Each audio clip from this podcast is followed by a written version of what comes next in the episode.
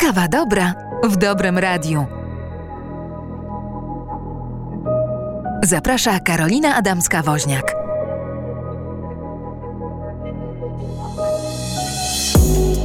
Dzień dobry, witam nas wszystkich, was wszystkich w kolejnym odcinku Kawy Dobra. A skoro kawa dobra, to na pewno moim gościem jest ktoś, kto zmienia świat na lepsze, bo taka jest e, intencja tego, tych rozmów. E, wyszukuję ludzi, którzy zmieniają świat na lepsze. Zapraszam ich do naszej wspólnej kawy dobra, po to, żeby stali się inspiracją dla nas wszystkich, e, bo na pewno dowiemy się także w tej rozmowie, że bycie dobrym człowiekiem jest fajne. Bycie dobrym i robienie czegoś dobrego dla drugiego człowieka jest fajne i to na pewno poprawia nasze samopoczucie. Takie, takie robię założenie na wstępie.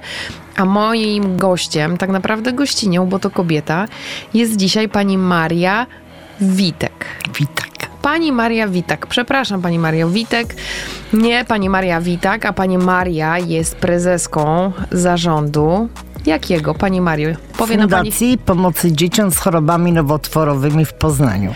Myślę, że jak ktoś jest z Poznania, a Państwo pewnie w większości jesteście, to wiecie absolutnie, co to jest za fundacja, bo to jest, to jest fundacja, która od wielu, od kilkudziesięciu już mogę tak powiedzieć lat, 30, działa na terenie Poznania, działa przy szpitalu w którym leczą się, leczą się dzieci. No i robi dużo dobrego. I z panią Marią będziemy sobie o tym do, dobrym rozmawiać. Pani Mario, jak e, zaczęła się pani przygoda z fundacją i dlaczego pani tam jest i dlaczego robi pani to, co robi? Moja.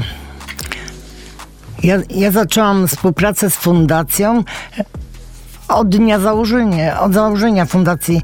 Ja byłam jedną z dziesięciu założycielek fundacji która powstała w 1992 roku 28 grudnia. Także w tym roku 28 grudnia mija 30 lat, jak działa fundacja. To takie, przypuszczam, że pewnie e, zaczynacie organizować wielkie, taką wielką trzydziestkę, ale to o tym później. Niech pani powie, jak to się zaczęło? Czyli 30 lat już po 30 latach. Coś, co było najpierw? W 85 roku zachorowała moja córka na, ostro, na ostrą białaczkę limfoblastyczną. I wtedy zaczęła się moja przygoda z onkologią dziecięcą. To były trudne czasy. Ja byłam bardzo młoda. Marta miała 2,5 roku, także to taki był szok, że moje dziecko zachorowało na taką chorobę. W tamtych czasach to jeszcze, wie pani, ludzie mówili różnie o tej chorobie, nie było internetu, nie można było się nic dowiedzieć z encyklopedii, tylko w encyklopedii taka sucha notka, że bardzo mało kto przeżywa taką chorobę. A potem się okazało inaczej, że Marta w tej chwili już ma 39 lat, jest matką, ma rodzinę, a ja od nie od 30 lat, jak istnieje fundacja, tylko prędzej, bo przed fundacją było koło pomocy dzieciom z chorobami nowotworowymi, w którym działałam, potem stowarzyszenie, a potem przekształciliśmy fundację, to wszystko.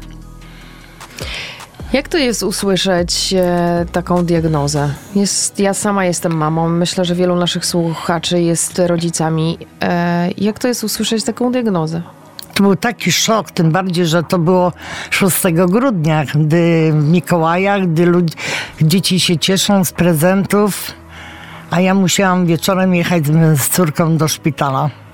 Ale trafiłam na bardzo dobrego lekarza, który przyje, przyjął nas, zbadał. Postawił już wtedy diagnozę, także 6 grudnia rozstałam się z córką na 4 miesiące.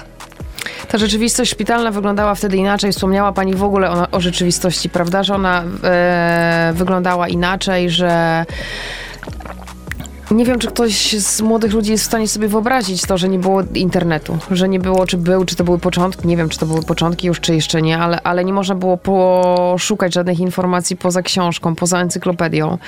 Także świat na pewno wyglądał inaczej. A jak to było, jak to się w ogóle zadziało, że pojechała pani z dzieckiem do szpitala, tak małym dzieckiem? jakie były objawy? Objawy, więc powiem szczerze, ja tych objawów nie zauważyłam. To moja mama.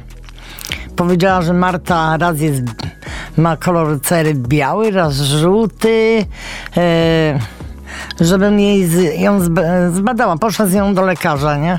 Potem wieczorkiem przy, ją przytuliłam, tak jak zawsze, i wyczułam na, na szyjce tam prawie na głowie guza. Się wtedy wystraszyłam, poszłam do lekarki, a jak w tamtych czasach lekarka stwierdziła, że z takim czymś to można chodzić dzieckiem do, e, na basen nawet i normalnie żyć z tym, bo to jest węzeł chłonny, powiększony, tak się dzieje przy przeziębieniach. Ja poprosiłam o badanie krwi, ona powiedziała, że mamy, to by tylko kuły, kuły, kuły, ale ja się uparłam i dostałam ten przekaz na badanie krwi. Także następnego dnia, jak odebrałam wyniki, właściwie do, poszłam odebrać i miałam powiedziane, że mam przeprowadzić dziecko na powtórne badanie krwi, bo coś wyszło nie tak. Intuicja matki jednak... Chyba e, tak. Jednak ten głos jest... Ta intuicja ma dużo większą siłę niż e, sugestie lekarzy, Tak. prawda? Bo pani bardzo chciała. Pani pewnie, nie wiem, czy pani czuła no, taki, taki napór na badania Taki krwi. niepokój. Niepokój. To, to, jest, to jest coś takiego, co się czuje. Pewnie Tak. matki zawsze Tak. czują i wiedzą. I dlatego wszystkie mamy namawiam, że cokolwiek zauważą u swoich dzieci, nawet takie błahostki, żeby naprawdę y, szły z tymi dziećmi do lekarza, pokazywały, prosiły o badania, a wręcz żądały takich badań, bo to się tym dzieciom należy. Otóż to i to jest często tak, ja e, w swojej działalności w Fundacji Mam Marzenie, gdzie spełniamy marzenia chorych dzieci, bardzo często słyszę, że jak w ogóle przebiegał proces diagnostyki, że to często trwa bardzo długo. Że to jest właśnie tak, że a boli mnie noga, no to przecież młodego chłopaka boli noga, no wiadomo, że go boli noga, no bo biega na boisku, gra w piłkę, to go kolega kopnie, to, go, to się uderzy o coś. No wiadomo, małe dzieci bardzo dużo się ruszają, więc ta boląca noga nigdy nikomu nie sugeruje tego, że to może być nowotwór. A czasami tak się zaczyna jakiś proces chorobowy. Więc ja też tutaj mam taką, taką, mm, taki apel do, do państwa, do rodziców, żebyście, tak jak pani mówi, żebyście byli uważni na swoje dzieci. Absolutnie nie straszę, bo ja też jestem mamą mm, e, piątki dzieci i mam w sobie taki spokój, ale ta intuicja i uważność zawsze podpowiada, czy to jest ok, czy nie. Ale korzystajcie państwo ze służby zdrowia, badajcie swoje dzieci. Jeśli was coś niepokoi, to lepiej ten niepokój zrzucić z siebie takim badaniem. U pani było inaczej, bo w badaniach wyszło coś nie tak. No, wyszły wyniki krwi były nie taki, rozmaz był niedobry, ale wtedy z tymi wynikami już poszłam do innej lekarki, takiej młodej, zobaczyła wyniki, także w ciągu trzech godzin od diagnozy wstępnej postawionej przez lekarkę z wrześni trafiłam do lekarzy, do, do szpitala na ulicę szpitalną, nie? I tak się zaczęła wasza I przygoda. taka przygoda się zaczęła i Jak długo pani córka się leczyła? Była najpierw 4 miesiące w szpitalu, potem wyszła do domu na dwa, potem wróciła do szpitala na niecałe dwa miesiące, ale potem to już się uparłam i mogłam ją odwiedzać. Te cztery przy- miesiące to pani ją zostawiła samą? samą, tak, w, przez szybę, nie? Oglądałam tylko własne dziecko. To musi być strasznie bardzo, em, bardzo bolesne dla mamy. Tak, dlatego, że Marta była małym dzieckiem i lekarze powiedzieli, że lepiej, żebym po prostu do niej nie wchodziła, bo te ciągłe takie wizyty, wychodzenia, to jeszcze gorzej na nią będą wpływały, także... Ale przeżyliśmy to. Jesteśmy 30 lat dalej, więc Tak. jak zaczęło się, e, jak zaczęła, bo mamy, mamy ten punkt zwrotny w pani życiu, czyli choroba córki. I jak ta choroba córki dopr- doprowadziła panią do bycia współzałożycielką tak e, pięknej fundacji? Mało wtedy było w ogóle fundacji, czy stowarzyszeń, czy czegokolwiek. My jako rodzice nie mogliśmy się nic dowiedzieć na temat, y, no nie choroby, bo o chorobie to lekarz informował. Ale o takich prostych sprawach, jak zdobyć na przykład zasiłek, cokolwiek, czy co temu dziecku się należy, czy gdzie można się udać, y, rehabilitacja, cokolwiek, nie było. Dlatego postanowiliśmy, postanowiłyśmy właściwie i założycielem całej tej, tej to był e, Włodek Tuidowski, to był taki szeryf na początku i on założył to koło pomocy dzieciom I tak się zaczęło. Tak, To się, była taka na początku taka grupa wsparcia, tak? tak taka grupa wsparcia. Taka samopomoc stworzona, taka grupa wsparcia stworzona przez rodziców po to, żeby sobie w tamtych czasach A, jakoś pomagać. Wspólnie pomagać, spotykaliśmy się z rodzicami ch- chorych dzieci i wspólnie przekazywaliśmy sobie różne informacje. Tak, tak, tak się zaczęło. razem łatwiej, prawda? No oczywiście. Razem łatwiej w ogóle przejść przez chorobę. W tamtych czasach ja nie pamiętam psychologa szpitalnego.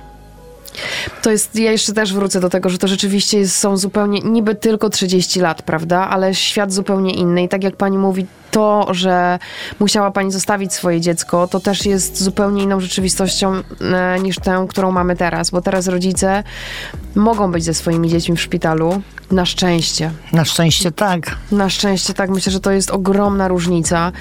Ogromna. Ja też doświadczyłam bycia w szpitalu ze swoimi dziećmi i no szczerze nie wyobrażam sobie tego, jak musiałabym pożegnać swoje dziecko i zostawić je w szpitalu. Także bardzo się cieszę, że jest, e, że jest taka zmiana, że rodzice mogą być z chorymi dziećmi w szpitalu. Ale to jest jedna różnica, która była, ale druga, tak jak pani mówi, nie było.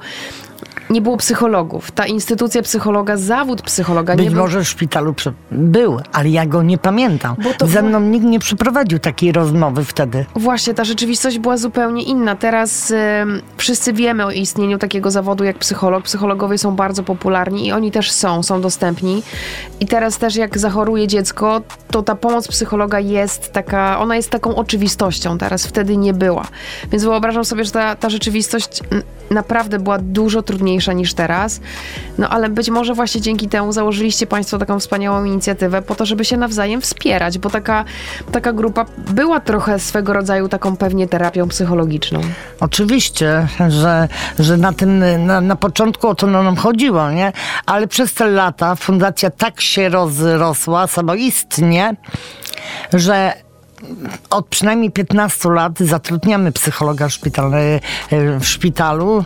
To jest pracownik fundacji, który przebywa z dziećmi na oddziale, z rodzicami i udziela im wsparcia. A co to znaczy, że fundacja się rozrosła? Tak sama z siebie to pewnie jest państwa działanie i taka, taka codzienna, ciężka praca.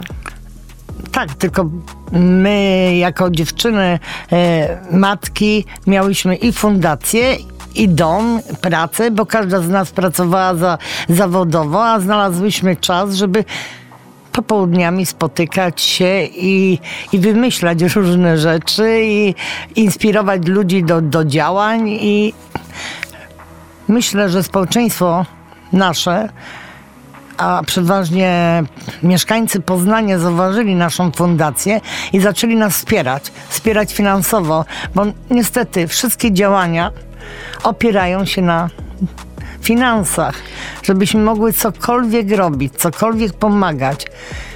Wszystkim dzieciom, nawet jednemu, potrzebne są pieniądze.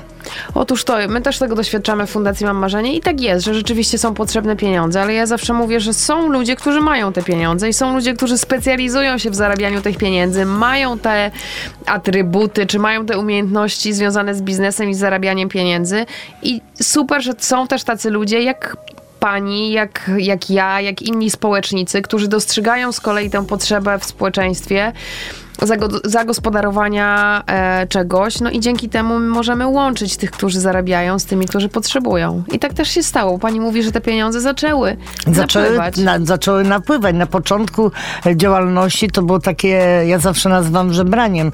To, to my chodziłyśmy od zakładu do zakładu, pisałyśmy pisma, prosiłyśmy o jakiekolwiek wsparcie, a w tej chwili zawsze proszę i będę prosić o każdą złotówkę, bo każda złotówka dla nas jest bardzo ważna, ale w tej chwili e, ludzie sami, sami od siebie wpłacają nam pieniądze. A niech pani powie, dlaczego tak jest? Czy myśli pani, że te 30 lat temu wtedy taka świadomość. E, e, bo rzeczywiście fundacji była garstka. Ja też pamiętam, jak zaczynałam działalność Fundacji Mam Marzenie, to było 20 lat temu. No to wtedy też fundacji było mało, więc jak Państwo zaczynaliście jeszcze 10 lat wcześniej, to w ogóle fundacji e, nie, no, naprawdę była garstka i nie było ich tak dużo jak teraz. I czy w związku z tym ta świadomość społeczna e, była mniejsza, że potem tak jak Pani mówi, chodziła Pani i żebrała, a teraz te pieniądze są. To jest zmiana W czym? W mentalności naszej, darczyńców, czy przez to, że tych fundacji jest tak dużo, to się oswoiliśmy z tym tematem? Czy teraz jest nam łatwiej pomagać, bo jesteśmy już po jakiejś transformacji, jesteśmy bogatszym społeczeństwem? Jak pani to widzi? Ja myślę, że to tak nie jest. Darczyńca, żeby cokolwiek dał, musi wiedzieć o tym, że wszystkie pieniądze, które przeznacza na fundację, one idą dla dzieci. I, I to jest w tym chyba wszystko najważniejsze, że my każdą złotówkę, którą nam ktoś wpłaca, przeznaczamy na dzieci i na pomoc ich rodzinom. Czyli u Państwa fundacji, u Was w fundacji nie ma e, etatów, nikt nie zarabia, są, pewnie są koszty administracyjne. My, my pracujemy charytatywnie. Teraz od y, 2018 roku prowadzimy projekt Wielkopolska Onkologia Dziecięca i tam jest przeznaczone 10% na e, zaopiekowanie się tym projektem i to wszystko. I, I z tego to są pieniążki i na pensje, i, i na zwroty za paliwo, i, i tak, ale przedtem te 30 lat robiłyśmy to z własnych pieniędzy.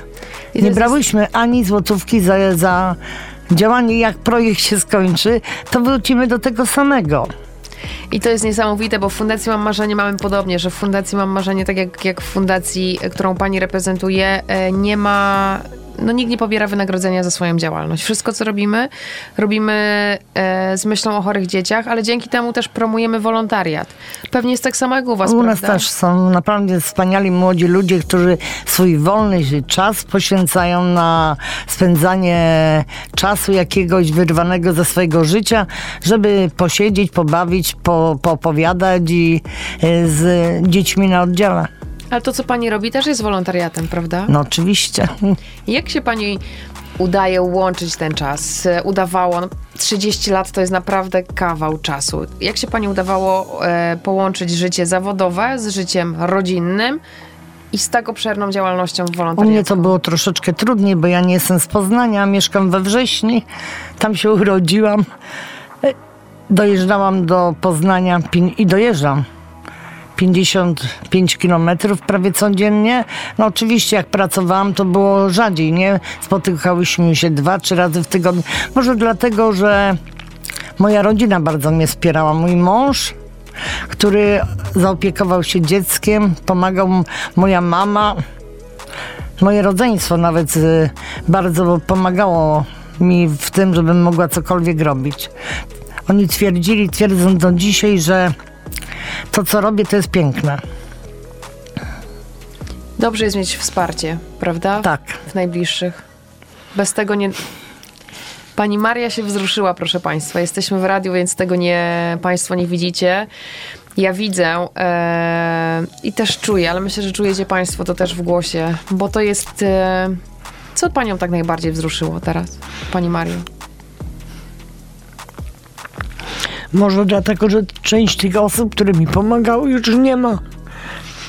To tak jest. Jedyną, ja w zeszłym, e, ostatnia kawa dobra była kawą dobra właśnie o śmierci. Była kawą dobra em, z hospicjum, nadawaną prawie, że z hospicjum, bo była kawą dobra właśnie o hospicjum i o tym, e, co się dzieje przy końcówce naszego życia. I doszłyśmy do wniosku z Magdą, z którą rozmawiałyśmy, że tak naprawdę jedyną, jedynym pewnikiem tego życia jest to, że wszyscy umrzemy. A tak trudno nam się zawsze z, ze śmiercią najbliższych Tak, Pogodzić. pogodzić. I myślę, że to jest też największy, Pani Mario, stres i strach, e, jak rodzice słyszą diagnozę dotyczącą ich dziecka. Pani dziecko ma nowotwór. To jest coś okropnego. To jest taki szok dla rodzica, że żeby sobie z tym wszystkim po, poradzić, to, to musi być naprawdę wsparcie. Wsparcie całej rodziny, wsparcie psychologa, nawet lekarzy, którzy przychodzą dzieci na oddział i w tym pierwszym takim spotkaniu się z tą diagnozą, to najważniejszy jest lekarz. Żeby lekarz potrafił przekazać tą wiadomość. A potrafi? Potrafią lekarze? Myślę, że szp- lekarze na onkologii dziecięcej na oddziale piątej, tak. Potrafią. Potrafią e, e, dosyć, że przekazać to w taki delikatny sposób, to dodatkowo jeszcze e,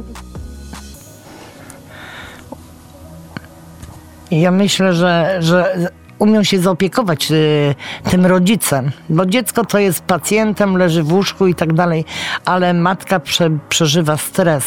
Naprawdę, matka czy ojciec, cała rodzina.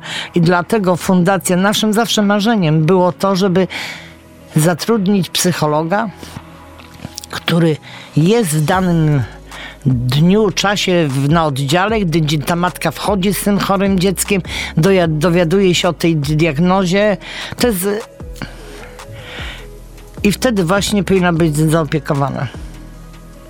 Myślę, że tak, że to dla, tak jak powiedziałyśmy, dla rodziców to jest e, przeogromny stres. Nie wiem, czy pani wie, bo pewnie pani teraz może obserwować e, na szczęście chore dzieci i, i rodziny właśnie z pozycji obserwatorki. A doświadczyła pani tego wcześniej. E, na szczęście córka już jest zdrowa. Poz- Pozdrawiamy córkę bardzo serdecznie też z tego miejsca. Ale ja będąc w Mam Marzenie, miałam takie, taką obserwację, że chorym dzieciom najbardziej zależy na tym, żeby ich rodzice się nie martwili. Że jak rozmawiałam z dziećmi, czy obserwowałam, jak oni się zachowu- zachowują, jak pytałam, czy boli, czy nie boli, jak się mają, to zawsze, zawsze ich największa troska i to, o, co, o czym opowiadali, skierowana była na rodziców i właśnie na to, żeby rodzice się nie martwili. Dla mnie to było niesamowite spostrzeżenie. Czy pani też coś takiego obserwuje? Oczywiście, nawet jak rozmawiam z rodzicami, to, to zawsze ich o to proszę, że po prostu dzieci widziały uśmiech na ich twarzach. Ja wiem, że to jest wtedy trudno napra- e, e, z tym się wszystkim zmierzyć, ale dzieci są takimi obserwatorami, nie tylko te duże, ale i te małe, że wyczuwają nastrój, wyczuwają to, jak że rodzice są smutni, się martwią o mamę. On to tak naprawdę nie, to małe dziecko nie rozumie, na co jest chore, ale to, że mama płacze, to, je, to bardzo je boli. Tak, rodzice są absolutnie lustrami dla, dla dzieci i to jest tak, że tak jak pani mówi, starsze dzieci, one widzą i wiedzą dużo więcej. Młodsze tego nie wiedzą, bo jeszcze ten ich świat i głowa nie jest ukształtowana na tyle, Znaczy- żeby miały informacje i przetwarzały je, ale czują. Czują. To są emocje, to jest serce, to jest e, dusza, to jest cokolwiek małe dzieci czują. I tutaj jest, e, myślę, że dużo trudniej jest oszukać, powiedziałabym, nawet małe dziecko niż starsze. Bo nie jesteśmy w stanie e, pewnie z, z, zagłuszyć emocji naszych. Jeśli ja się smucę, to nawet jak się uśmiechnę, to i tak czuć ten smutek i małe dzieci to czują. To czują. I stąd ta pomoc psychologiczna e, po to, żeby po, podnieść rodziców na duchu, prawda? Bo rodzic jest mm, bardzo ważnym elementem w całym procesie leczenia dzieci, prawda? Oczywiście. To wszystko zależy od, od właśnie od sam, dobrego samopoczucia, można mówić, w takiej chorobie, czy w ogóle, ale leczenie lepiej idzie, gdy ten e, nastawienie i te emocje są mniej takie widoczne. Tak, i to tak jest, że dzieci jak się cieszą, dlatego my w Mam Marzenie spełniamy marzenia chorych dzieci właśnie po to, żeby dać im taką, podnieść ich na duchu, dać dobrą energię, bo wtedy cały proces leczenia przebiega lepiej, szybciej. Czym zajmuje się Fundacja Pani Mario głównie teraz?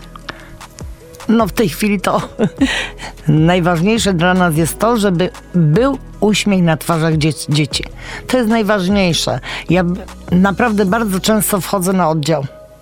Jestem częstym gościem tam na tym oddziale i teraz y, o 1 czerwca, Dzień Dziecka, poszliśmy tam z prezentami. Dziękuję panu Pawłowi za pomoc przy zakupie tak pięknych prezentów i weszliśmy na oddział z klockami Lego.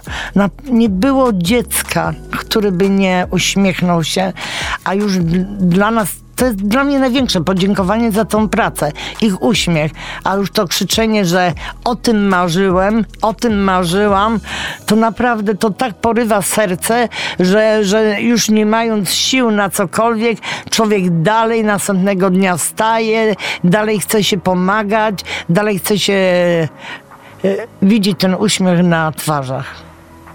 Jak słucham pani, to tak jakbym słuchała siebie. I to jest też właśnie to, dlaczego Fundacja Mam Marzenie spełnia, spełniam marzenia chorych dzieci. Ten uśmiech dziecka w momencie, kiedy robi się dla niego coś dobrego jest niesamowity, prawda? Nie da się tego opisać.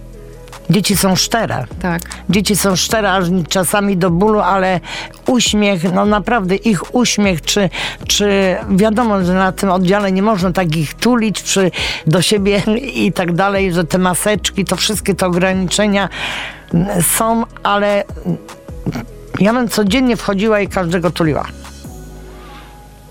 Bo przytulanie jest dobre. Dobre. Żyjemy właśnie w takich czasach, że, że ograniczono, ograniczono nam te przytulanie, to dotykanie. Ale mam nadzieję, że wszystko wróci. Już wraca pomału, już wolontariusze wchodzą na oddział, już się dzieje, już, już możemy zapraszać gości.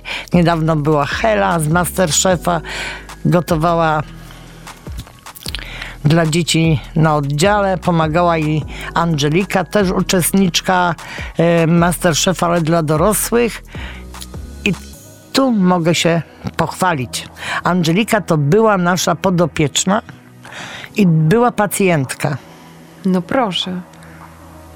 z którą do dziś utrzymujemy kontakty, także naprawdę w tej chwili mogę powiedzieć z tysiącami dzieci mamy kontakt dobry, tak no.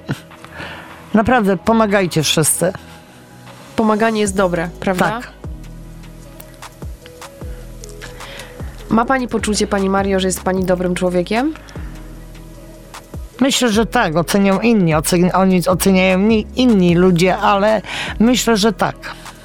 Ale gdyby pani myślę to, że, że po prostu dlatego, że całe zło, które się dzieje, to mnie to boli. Myślę, że dobrzy ludzie to mają w sobie coś takiego, że umią się dzielić z tym, co się ma. Nie? Oczywiście ja myślę, że jestem dobra, ale ocenią to inni.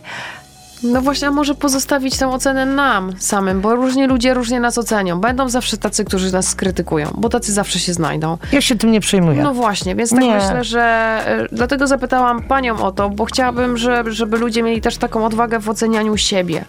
Nie patrzyli na to, co powiedzą o nas inni ludzie, tylko ja zawsze zachęcam do bycia dobrym poprzez to, że jak wieczorem staję przed lustrem i patrzę na swoje odbicie, to jestem z siebie dumna. I myślę, że pani to ma. Tak.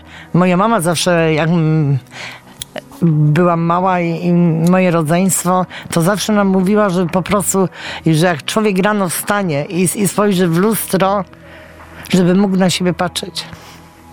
Ja się zgadzam z pani mamą. I to jest, e, to jest podstawa. Ja mam nadzieję, że wychowałam też dobrze córkę, bo Marta jest dobrym człowiekiem, też lubi pomagać. Może nie aż tak angażuje się w fundację, ale to, co może, to, to pomaga. Czy dla pani to pomaganie stało się pasją? Chyba tak.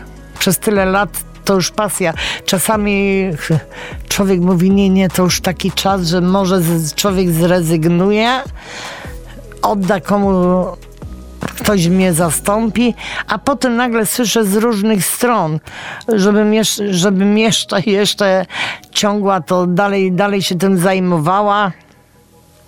Myślę, że dopóki będę miała siły i zdrowie, zdrowie najważniejsze, gdy będę, będzie zdrowie, to na pewno, jak już nie osobiście, to będę doradzać, ale zawsze fundacja będzie moim dzieckiem kolejnym, będę o nią dbała. To jest tak, tak, tak jak zaczęłyśmy rozmowę, że ja powiedziałam pani, że moje serce bije cały czas fragment tego serca na zielono, bo takie są barwy Fundacji Mam Marzenie, w której ja 20 lat już jestem.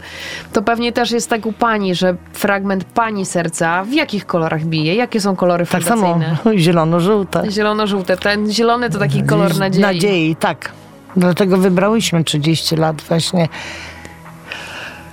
słoneczko na zielonym tle. Pani miała nadzieję, że pani córka wyzdrowieje? Tę nadzieję Ja się powiem ma? szczerze, ja w to wierzyłam. Ja, ja od początku jakoś e, mało wierzyłam lekarzom, że ona w ogóle jest chora. Marta była zawsze uśmiechniętym dzieckiem, wesołym i tak samo przed chorobą, w chorobie i po chorobie. Także u Marty tak nie było widać tych oznak choroby. Ta choroba jeszcze nie zdążyła tak e, Zniszczyć zniszczyć, że to wszystko było tak szybko, fajnie, no nie fajnie, ale wszystko było wykryte w miarę szybko i to jakoś leczenie też dobrze szło, także To jest takie pocieszające, myślę, że em, 80% dzieci, u których postawiono diagnozę choroba nowotworowa, zdrowieje. I myślę, że to dzięki temu, że, że medycyna jest e, w takim, e, na takim poziomie, naprawdę wysokim poziomie, ale pewnie też dzięki temu, że ta wykrywalność nowotworów jest już teraz dużo wcześniej niż, niż, niż kiedyś była. Że właśnie bardzo ważne jest wychwycenie tego now, nowotworu we wczesnym stadium. No i dzieci poprzez taką swoją, ja myślę, taką swoją energię, radość i chęć życia i taką w ogóle energię ku życiu mają, e, mają taką e, dużą siłę do walki o zdrowie, prawda? No oczywiście, dlatego Fundacja w partnerstwie ze Szpitalem Klinicznym imienia Karola Janszera w Poznaniu realizuje od 2018 roku projekt Wielkopolska Onkologia Dziecięca. Co to za projekt? Niech pani o nim To opowie. jest właśnie projekt, który e, z- funduszy europejskich, który właśnie ma- na celu uświad- e, profilaktykę,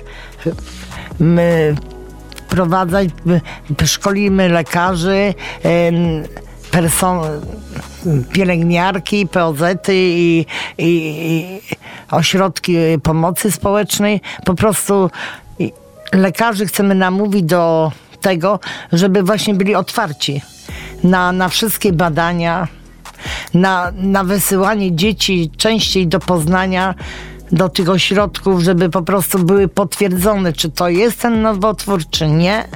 Jeżeli nie, to dzieci wracają i rodzice są bardzo szczęśliwi, ale wszystkie wykryte nowotwory wcześniej są lepiej leczone, szybciej to leczenie idzie jest skuteczniejsze, skuteczniejsze. Tak, jest zdecydowanie Tak, skuteczniejsze, tak. bo e, i to, my tego też e, doświadczamy i doświadczaliśmy w Fundacji Mam Marzenie i to są te setki, już tysiące historii opowiadanych przez rodziców i przez lekarzy, że wcześniej wykryty nowotwór ma dużo większą szansę na wyleczenie. I to jest też taki informacja dla Państwa, proszę Państwa, to samo dotyczy też dorosłych, że my jeśli wcześniej wykryjemy jakąś nieprawidłowość, to zaopiekujmy się nią, popędźmy od razu do lekarza, zróbmy badania, bo to też tak jest, że wcześniej wykryty nowotwór ma dużo większą szansę na wyleczenie i to samo jest u dzieci, że czasami jeśli tak dziecko, nasz synek, który jest bardzo żywiołowy i ciągle się przewraca i gra w piłkę i zeskakuje z drabinek i ciągle codziennie mówi, że go coś boli, no bo go boli, bo taki jest, ale jeśli przyjdzie i powie, że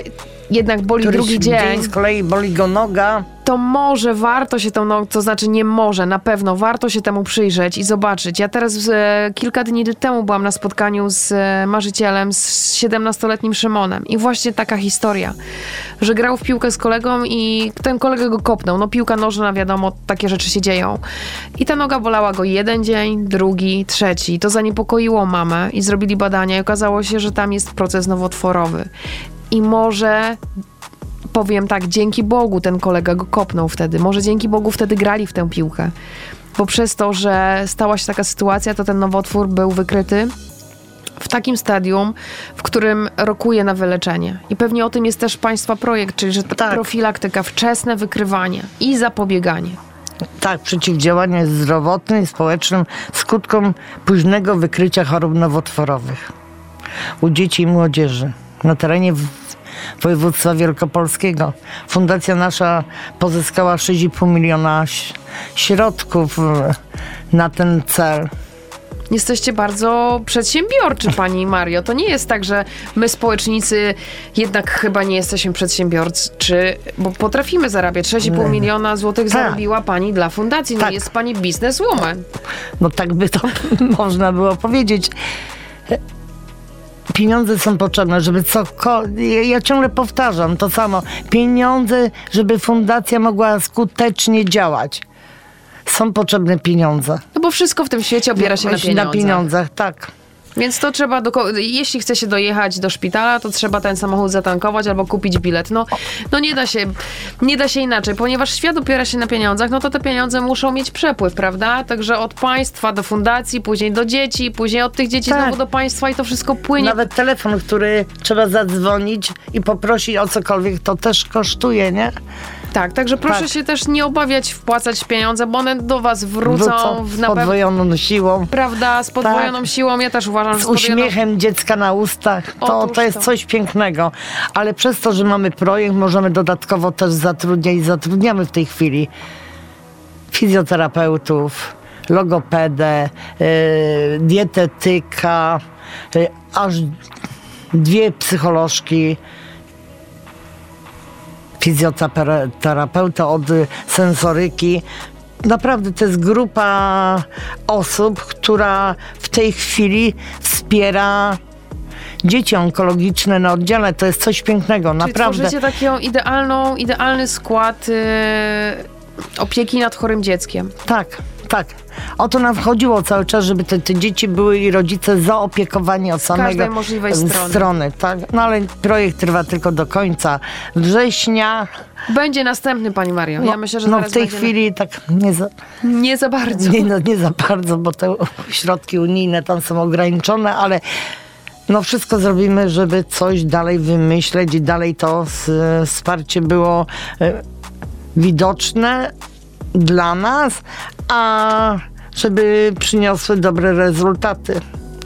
O to wszystkim chodzi. W ogóle dzieci, które leżą całymi dniami w łóżku szpitalnym, dla nich taka terapia fizjoterapeuty to jest coś naprawdę.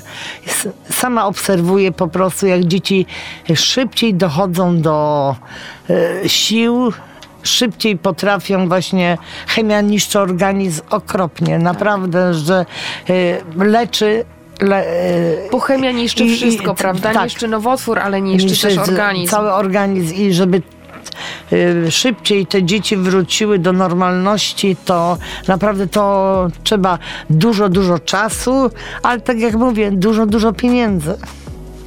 To teraz może, to na pewno tak będzie. Ja jestem przekonana, że te pieniądze się znajdą, bo to jest pieniądze... Mam to jest- nadzieję, wierzę w dobro ludzi. Otóż to, bo pieniądze to jest energia. Pani wysyła dużo dobra do świata i to dobro w e, postaci pieniędzy dla fundacji na pewno e, wróci, bo jestem przekonana, że na pewno słucha nas teraz ktoś, kto będzie miał pomysł na to, jak was wesprzeć w tych działaniach, które robicie, które są naprawdę no, niezbędne wręcz. To nie jest tak, że to jest jakiś dodatek, że to jest coś, e, co, co- coś takiego gratis, nie, nie, nie gratisowego. Mam na myśli, że to jest takie coś premium, coś, coś powyżej. To jest, myślę, że to, co robicie, jest, powinno być tak naprawdę obligatoryjne w każdym szpitalu, prawda? Bo taka opieka każdemu dziecku, no też nie chcę powiedzieć, że się, że się należy, ale jest taka podstawowa w chorobie. Tak, ale potem też dbamy o to, że jak dzieci wracają już po zakończonym leczeniu do szkoły, y, żeby po prostu tam byli dobrze przyjęci. Bo jednak y, dzieci przez 2-3 lata nie chodzą do szkoły. A potem wracają, wracają i to dla nich znowu jest stres, znowu jest mm, takie, ja wiem, no i naj, największy ten stres. Poza tym to są nowi czasami już koledzy, e, zmieniają szkołę. I po prostu też właśnie w ramach tego projektu prowadzimy takie właśnie szkolenie dla nauczycieli, pr, e, oś- te, placówek oświatowych, żeby po prostu e, taki wychowawca umiał e, z tym dzieckiem pracować, umiał wprowadzić go do tej klasy, żeby go te wszystkie dzieci zaakceptowały.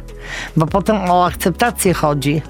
Dużo osób, niby to jest świat i idzie do przodu, ale dużo osób myśli, że choroba nowotworowa jest zakaźna. Naprawdę? Naprawdę. Z, Jeszcze ciągle. Jeszcze ciągle. W tych właśnie małych takich społecz- społecznościach, że my, jak ktoś słyszy, że dziecko chore na nowotwór, jeszcze bez włosów, w chusteczce, nie, no to tam lepiej moje dziecko, żeby nie dochodziło, nie? No ale w takim świecie żyjemy. Mam nadzieję, że to z roku na rok będzie się zmieniało, a nauczyciele są po to, żeby po prostu przed przyjściem takiego ucznia na pierwszą lekcję przygotować tak klasę, żeby umiała go przyjąć z otwartymi rękoma. To jest bardzo ważne to, co pani mówi, pani Tak. Maria. Naprawdę bardzo ważne. Tak sobie uzmysłowiłam, że to jest wręcz kluczowe. Tak.